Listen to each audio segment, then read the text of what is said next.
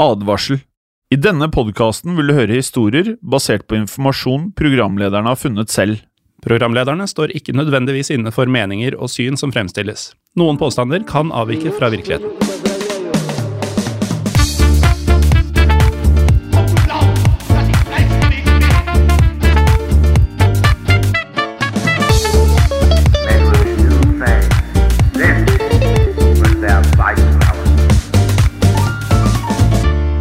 Og velkommen til historiepodden andre verdenskrig. Mitt navn er Morten Galaasen.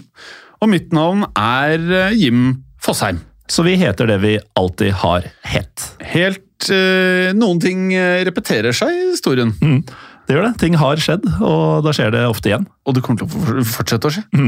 Eh, vi prata litt eh, om før innspilling i dag at eh, dagens tema det er, det er forskjellige måter å si det på, tror vi. Ja, eh, og det var litt derfor jeg eh, fokuserte litt på navnene våre, fordi det er ganske lett for oss å si etter hvert. eh, Selv om jeg faktisk uttaler mitt eget etternavn feil. Jeg gjør det? Teknisk sett. Ja, det er egentlig Garlåsen. Er det det? Mm.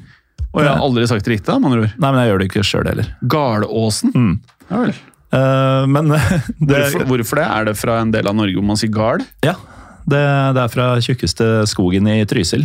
Oh, ja, Og da var det en eh, ås hvor det var mange garder, altså gårder. Oh, ja. Og så ble det da hetende Garlåsen eh, med RD.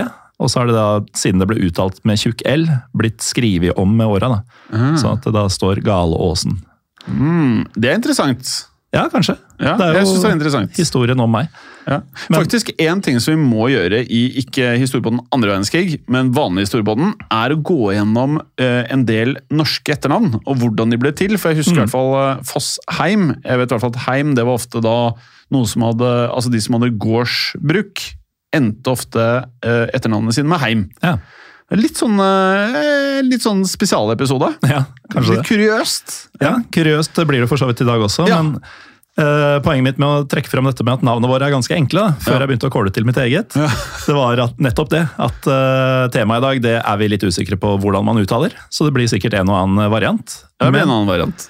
Men eh, det vi skal snakke om i dag, da, er en eh, gruppering fra den britiske overklassen som eh, i det stille brukte innflytelsen sin til å påvirke Storbritannias politikk på 1930-tallet. Og målet det var faktisk å skape og bevare et godt forhold til Nazi-Tyskland og dess leder Adolf Hitler. Ja. Og denne gruppa ble da referert til som eh, det vi er litt usikre på, eh, på hvordan sies. eh, The Cliveden Set er mm. min variant, som da på norsk blir noe sånt som Cliveden-klikken, Ja. eller Cliveden-gruppa. Og navnet det stamma da fra herskapshuset, der gruppa ofte møttes. Ja, for at det skrives Altså, Cliveden skrives C-L-I-V-E-D-E-N. Ja, og Clive er jo et relativt vanlig engelsk ja. herrenavn, men når du får den D-en på slutten, så er det sånn Er det Cliveden, eller er det ja, Cliveden? Cliveden. Ja. Uh, ja, det vites ikke. Jeg tror vi kommer til å si Cliveden for det meste. Um, og vi kan jo da, Du pratet jo om denne grupperingen her, da, og vi må jo starte for ofte Når det er sånne grupper, så er det ofte en initiativtaker og en frontfigur. Og frontfiguren for denne gruppen det var en dame ved navn Nancy Astor. Eh, hun var da en amerikanskfødt engelsk politiker. Og i 1919 så ble Astor det første kvinnelige parlamentsmedlemmet, faktisk, i Storbritannia. Mm. Og hun var gift med Waldorf Astor, en adelig politiker og også en aviseier. Og når han heter Waldorf Astor, da er det utrolig lite overraskende synes jeg, at han var adelig. Nei, jeg er helt enig. Det høres veldig fancy ut. Ja, Det er ikke en mann av folket, dette her. Det er ikke Garleåsen og Fossheim. um, og sammen så bodde disse her da på godset Cliveden, uh, som da tilhørte denne Astor-familien. Og eiendommen den lå jo staselig og flott til, som man kan eh, tenke seg når man eh, er adelig. Eh, Men stort mer staselig er det vanskelig å få det, for den lå flott til i Buckinghamshire ved Themsen. Ja, og Nancy og Waldorf Aster de pleide regelmessig å arrangere mm, helgesammenkomster i sitt hjem, noe som sikkert folk gjør i disse dager også. Eh, Og hit inviterte de venner eh, for å spise, drikke, hygge seg og diskutere aktuelle temaer. Og det i seg selv er jo ikke uvanlig eller bemerkelsesverdig, men eh, Astor-parets venner, altså gjestene som kom til Cliveden, de var eh, helt spesielle. Ja, og det, ja, det var ikke hvem som helst, Morten. For eh, blant gjestene så var eh, adelsmenn da som lor, lorder, lorder. Eh, og lord, det syns jeg høres veldig flott ut, det. Ja, Men også jarler, eller øl. Øl. Som ja. er liksom, Det er en staselig tittel, men det høres ut som sånn lokal fyllik på kneipa. Nei, en jarl, det er staselig, det, Garlåsen. Eh, og så var det jo da andre personer fra samfunnseliten som eh, Og det her er, da må også huske på at dette er eh, folk med mye makt, da. Som avisredaktører, eh, også akademikere, politikere. Eh, man skjønner. Og bare navnet i seg selv eh, gir jo da et eh, inntrykk av at dette var mektige folk. Hør på følgende. Philip Henry Kerr Med tittel Marquess of Lothian, sa jeg det riktig? Jeg veit ikke, men uh, dette er da ekte navn fra 1930-tallets England. Det er ikke Game of Thrones. Nei. altså det, skrives M-A-R-Q-U-E-S-S. Marquis, eller Marquess of Lothian. Uh, og så Edward Wood, the first earl of Halifax. Ja. Altså, altså, dette var folk som hadde makt. Det, du, du hører det jo. Og så hadde Joffrey, Jo- Joffrey, Joffrey Dawson. Uh, du prater om Game of Thrones. Den ondeste, kanskje, heter jo Joffrey. Og dette her er jeg heller ikke helt sikker på hva jeg skal si. Samuel Hoare. Jeg tror fort det blir sånn, altså. Hoare. Lionel Curtis. Den er jo grei. Den er grei. Nå blir det egentlig enklere. Ja, ja, nå er det veldig lett. Neville Henderson. Det ser jeg ikke var så staselig, skal jeg helt ærlig. Nei. Robert Brandt. Det liker jeg. Ja, Og så har du en ordentlig, eh, ordentlig avslutning her. Edward Algernon Fitzroy. Ja. Og selv om kanskje ikke alle disse navnene er like kjente for folk i dag, så var det svært innflytelsesrike personer på denne tiden. Og Waldorf Astor han eide avisa The Observer. Eh, Dawson han var redaktør for The Times. Hoare og lord Halifax var ministre i regjeringa, og Fitzroy var speaker of the commons. Det vil da si eh, president i underhuset i parlamentet. Så man skjønner jo, det var mange mektige mennesker samla på ett sted. Ja, og Norman Rose han skrev boken The Cliveden Set, som da kom ut i år 2000. Og der beskrev Rose gruppen som en sammensveiset elite, som da var gode venner i det meste av deres voksne liv. Og gruppen det var eh, å anse som et konsortium, altså eh, av likesinnede da, som engasjerte seg i den offentlige samtalen. En eh, slags tenketank på norsk, kanskje, da. Og medlemmene de sto, eh, som vi hadde hørt nå, nær maktens indre sirkler. Og de var fortrolige med flere statsråder, de, og de møttes eh, også med jevne mellomrom på Klauden, men også andre steder. Ja, og de fleste medlemmene av gruppa de ønska noe så merkelig egentlig som et nært forhold til Adolf Hitler og Nazi-Tyskland. Og Derfor så oppmuntra de og støtta den britiske regjeringas forsøk på å komme til enighet med Tyskland på flere områder, noe vi skal se eksempler på, Jim. Ja, men la oss først se på hvor uttrykket Cliveden-gruppen faktisk kom fra, Morten. For det var jo nemlig ikke slik som vi da vet med mye prominente folk, da. De ønsker jo ikke nødvendigvis å være offentlig kjente. Tvert imot, faktisk. Sånn at den 17. juni 1936 så oppsto det en situasjon hvor Cliveden-gruppen rett og slett ble slynget ut i en uønsket berømmelse. Da publiserte nemlig journalisten Claude Cockburn en artikkel kalt The Best People's Front i sitt eh, antifascistiske nyhetsbrev The Week. Og Der hevda Cockburn at en gruppe som han kalte Astor-nettverket, hadde sterk innflytelse over utenrikspolitikken til den britiske regjeringa. Og Cockburn han påpekte at medlemmer av denne gruppa de kontrollerte The Times og The Observer, og hadde oppnådd det han kalte en ekstraordinær posisjon med konsentrert makt, og hadde blitt en av de viktigste støttene for tysk innflytelse. Og du merker her, Morten, at det er en eh, god del paralleller til eh, konspirasjonsteorier som dukker opp eh, den dag i dag. Og det er jo vi stadig mer interessert i. Ja, jeg vil si det. Eh, videre her, i dette nyhetsbrevet da, så ble det hevdet at eh, Cliveden-gruppen de eh, prøvde rett og slett å manipulere og også diktere britisk utenrikspolitikk for å da opprettholde gruppens egne klasseinteresser. Også noe som går igjen blant eh, konspirasjonsteoretikere i dag. Og Astor og de andre de ville angivelig da bruke alle midler uansett hvor utspekulerte de enn var, for å da forhandle frem en ydmykende avtale med Nazi-Tyskland. Og slik skulle da overklassen da kunne beholde sine privilegier. Ja, og når eh, Claude Cockburn da går så hardt til verks eh, når han snakker om overklassen og adelen, og sånn, så er det kanskje ikke så overraskende at han selv var del av kommunistbevegelsen i Storbritannia. Og han eh, avslørte i eh, selvbiografien sin på 1960-tallet hvor han hadde fått all denne informasjonen fra. En av kildene var Vladimir Poljakov, som var den diplomatiske korrespondenten til The Times.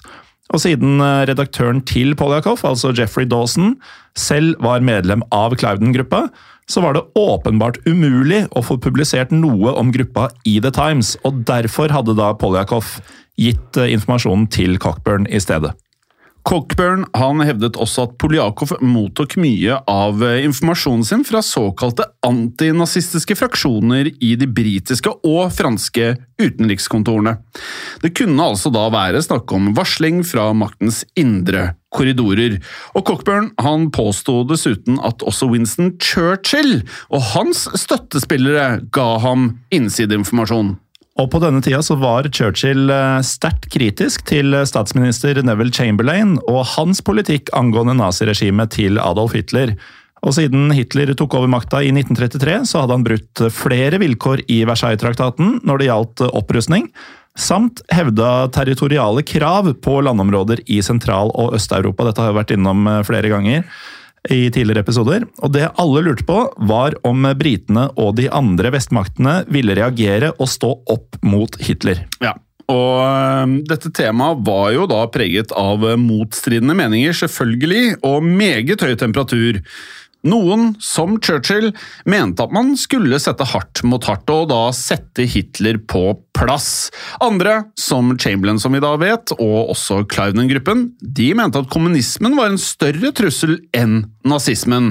For de mente at eh, kritikk og også tiltak mot Hitler kunne rett og slett føre til en eh, svært uønsket krig. Og noen mente til og med at britene burde ta parti med Adolf Hitler. Ja, og da må vi nesten skru tida litt tilbake her, til den 23. oktober 1937. For da samla Astor-paret 30 venner til en stor lunsj på Cliveden. Og um, det var god stemning, for uh, Neville Chamberlain han var nylig blitt statsminister, og han var kjent for å være tilhenger av den såkalte appeasement-politikken, som uh, Cliveden-gruppa selv omfavnet. Ja, og Vi kan jo forklare litt da hva denne appeasement-politikken gikk ut på. Eh, ordet kan vel da i seg selv oversettes til ettergivenhet. Mm. og da skjønner vi, for de av oss som da vet hva Churchill sto for, så var det ikke noe han var fan av. Kort sagt så handlet det om avspenning og også forsøk på forsoning med Nazi-Tyskland. Storbritannia og Frankrike de bedrev denne politikken, faktisk, selv om mange kanskje har glemt dette her, eh, på 1930-tallet. Ledende og politiske krefter i disse landene viste da forståelse og også imøtekommenhet overfor Adolf Hitlers krav, i håp om å unngå en krig. Og nå kommer det en liten spoiler her. Eh, Denne politikken skulle jo vise seg å være totalt feilslått. Men i 1937 så var det mange som var sterke i troen på denne politikken, da spesielt på Cliveden. Og lord Lothian han holdt en tale der han argumenterte for at Storbritannia burde la Folkeforbundet, som da var forgjengeren til FN, det burde bare dø en stille død, og at eh, britene burde ignorere Hitlers aggressive krav i Øst-Europa. Lord Lothian han sa at han selv hadde sagt til naziledere at disse områdene de falt innenfor Tysklands sfære, og der kunne Hitler da med andre ord få gjøre som han ville. Ja, stemmer det. Og Clouden-gruppen de ønsket da å unngå at Storbritannia ble dratt inn i en konflikt som da kunne true stabiliteten i det britiske imperiet. Territoriale konflikter i Øst-Europa var etter deres mening ikke verdt å bry seg noe særlig om. Så redaktør Joffrey Dawson han var enig med Lothian, og dette ble da gjenspeilet i en lederartikkel i The Times som han da skrev kun noen dager senere. Og når vi er tilbake etter en liten pause, så skal vi få høre hvor langt Chamberlain og Clouden-gruppa gikk for å tilfredsstille Hitler. Men det skjedde ikke uten konsekvenser.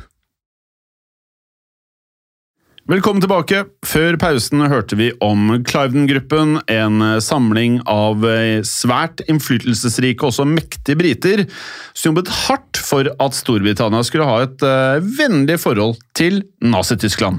Ja, og i november 1937 så sendte statsminister Chamberlain lord Halifax, altså et av medlemmene av Cliveden-gruppa, til Tyskland. Der skulle Halifax i hemmelighet møte Adolf Hitler, Josef Goebbels og Herman Göring. Og I dagboka si så gjentok Halifax det han hadde sagt til Hitler, og jeg siterer da, altså fra dagboka til lord Halifax. Selv om det var mye i det nazistiske systemet som brøt med den britiske opinionen, var jeg ikke blind for hva Hitler hadde gjort for Tyskland, og prestasjonen det var å holde kommunismen ute av landet sitt, sett fra hans synspunkt. Ja, og Dette var en uh, henvisning til uh, det faktum da at Hitler uh, hadde forbudt kommunistpartiet, også det sosialdemokratiske partiet, i Tyskland. Og Partilederne var dessuten blitt kastet i konsentrasjonsleire. Og Halifax han fortalte også Hitler at britene ikke ville forsvare status quo for enhver pris når det gjaldt Hitlers krav i Danzig, Østerrike og også Tsjekkoslovakia. Og dette var da områder som Hitler ønsket å annektere. Men like etter dette hemmelige møtet Halifax hadde med Hitler, Goebbels og Göring, så ble innholdet i samtalene lekka til pressen. Halifax og Clouden-gruppa ble stempla som fascistsympatisører og latterliggjort i flere aviser. Og denne nyheten den spredte seg også til USA. Britenes utenriksminister Anthony Eden han ble dypt bekymra over at de fleste amerikanerne nå anså britiske politikere som nazivennlige. Og Tre måneder seinere trakk Eden seg som utenriksminister. Chamberlain utpekte etterfølgeren hans, som var ingen ringere enn nettopp lord Halifax. Cockburn og andre kritiske journalister hevdet at dette lignet et appeasement-kupp i den britiske regjeringen, altså orkestrert av nettopp Cliveden-gruppen. Også Nancy Astor ble kritisert spesielt av jødiske profiler og miljøer, og de konfronterte Astor med nazismens innebygde antisemittisme, jødehat, og mente at Astor bidro til å undergrave sivilisasjon og også menneskeverd ved da å spre en positiv holdning til Adolf Hitler. Men dette var ikke en kritikk som Astor tok til seg i særlig grad, for hun var nemlig selv meget fiendtlig innstilt til jødene, som hun mente var en del av en sammensvergelse med kommunistene. Og her har vi et eksempel. Da Nancy Astor ble kritisert av en kollega i House of Commons, altså Underhuset, den 28. februar 1938, så skal Astor ha svart Only a Jew like you would dare to be rude to me. Og da skal kollegaen for øvrig ha svart I should like very much to smack you in your face. Ja. Jeg skjønner jo veldig godt her at uh, noen ønsker å gi en liten smack. Ja, det var vel ikke helt ufortjent om det hadde skjedd. Nei. Uansett, Chamberlains appeasement-politikk skulle vise seg å gi Hitler mer spillerom, dessverre. Mm. I mars 1938 så gjorde Hitler alvor av sitt langvarige press for å da innlemme Østerrike i Det tredje riket. Tyske tropper krysset grensen og tok all kontroll. Annekteringen av Østerrike ble kjent som Der Anschluss. Og Chamberlain han fordømte Hitlers handlinger og antydet at det ville komme reaksjoner hvis Tyskland ikke stoppet med det han da kalte provokasjoner. Men det skulle jo vise seg å være tomme ord for Hitler. Han hadde sett seg ut sitt neste bytte, som var området Sudetenland nord i Tsjekkoslovakia. Et område som da var befolka av etniske tyskere, og Hitler mente disse burde være del av hans rike. Og dette skapte jo da en betent politisk krise. Ja, Selv Chamberlain syntes nå at Hitler sine krav var blitt for drøye og mer eller mindre uakseptable. Mm. Men Hitler han visste at Chamberlains grunnoppfatning var at Storbritannia ikke kunne gå til krig for et lite fjerntliggende land. Eh, Og det var dessuten lite trolig at Storbritannia og Frankrike ville alliere seg med kommunistiske Sovjetunionen, som da sto enda lavere i kurs enn Nazi-Tyskland, slik han anså det.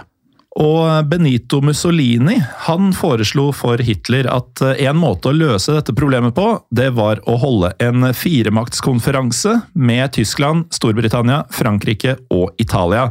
Dette ville ekskludere både Tsjekkoslovakia og Sovjetunionen, og dermed øke muligheten for å komme til enighet.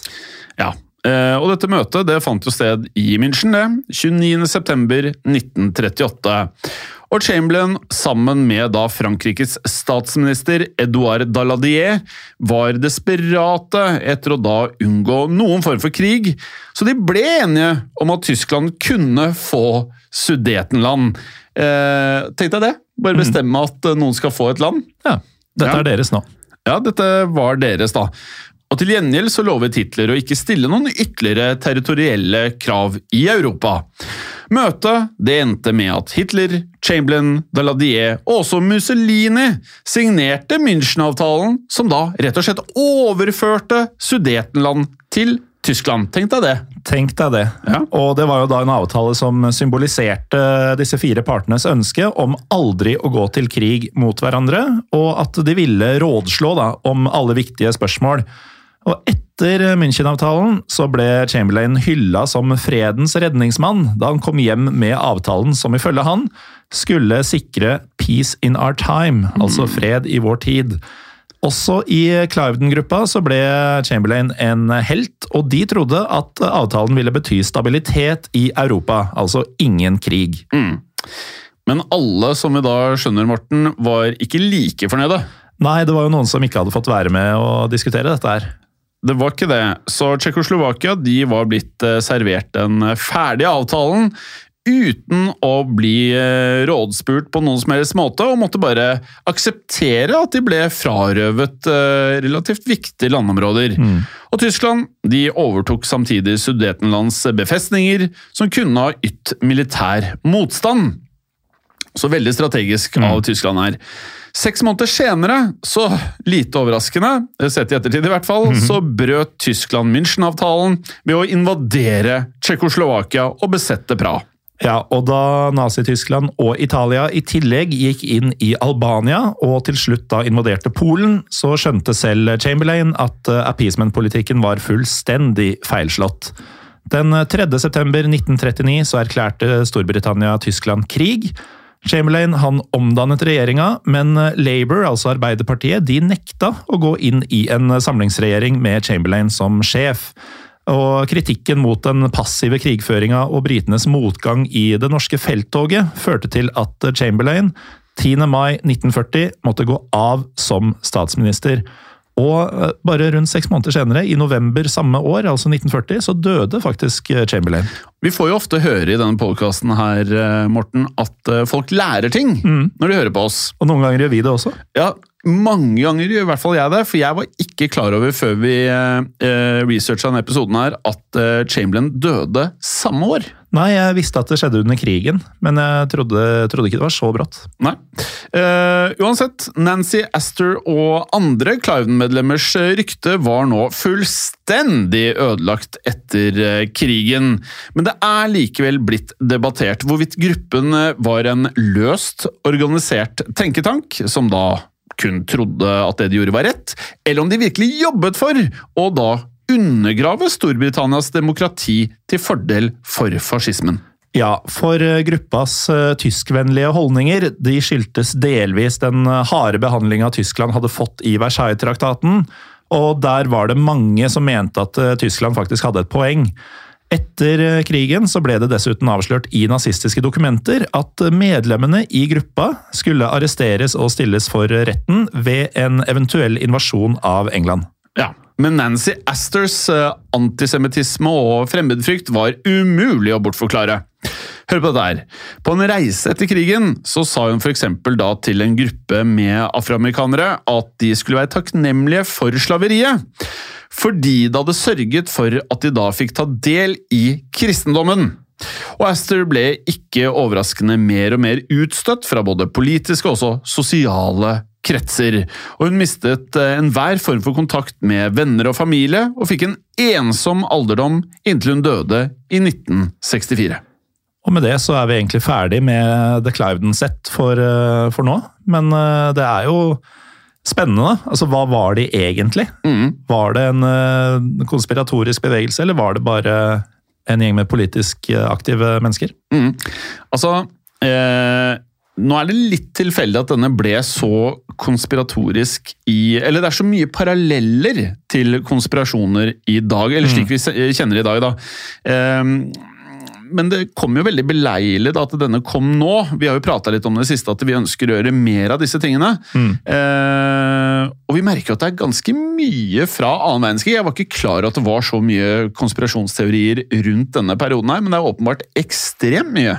Ja, det er nok eh, godt mulig å dukke inn i både den ene og den andre teorien eh, hvis vi leiter etter den. Mm. Eh, Men det får bli en annen gang, for nå gjenstår det egentlig bare å fortelle folk om Facebook-gruppa vår, eh, Historie for alle, som nærmer seg 5000 medlemmer, eller? Eh, ja, vi skal først innom eh, fire og et halvt, da. Ja. Men eh, fem er et godt stykke på veien, det også til 10 000. Ja, Så vi skal jo innom alle disse målene her. Det er en del checkpoints på veien. Ja. Um, hvis eh, en Facebook-gruppe av en eller annen grunn blir litt for mye for deg, så kan du jo like oss på Facebook eller eh, følge oss på Instagram. Vi heter Historiepodden Norge begge steder. Det er helt riktig det, og send oss gjerne DM-er med forslag til episoder. Dere er ekstremt gode til å komme med innspill, og vi burde kanskje bli flinkere til å fortelle folk når vi faktisk bruker de episodene de tipser oss om. Det er bare at det er så mye arbeid vi gjør, at det er ikke alltid vi får tid til alt, rett og slett. Jeg rekker jo ikke, Nå har jeg bare syv ubesvarte DM-er på Instagram, så før jeg drar fra jobb i dag, så skal jeg faktisk svare på de siste syv. Oh, det er eh, rekord i så fall. Ja, det er rekord. Det er første gang jeg kan huske i år at jeg er a jour med Instagram. Ja. Og når du eh, er a jour på Instagram, så kan du si at eh, det at du er a jour på Instagram, det har skjedd. Og det kan skje igjen. Ja, det får vi håpe. Kanskje ikke. Ja. Ha det. Ha det bra. Historiepodden ønsker å takke følgende. Dere som hjelper oss som sitter i produksjonen.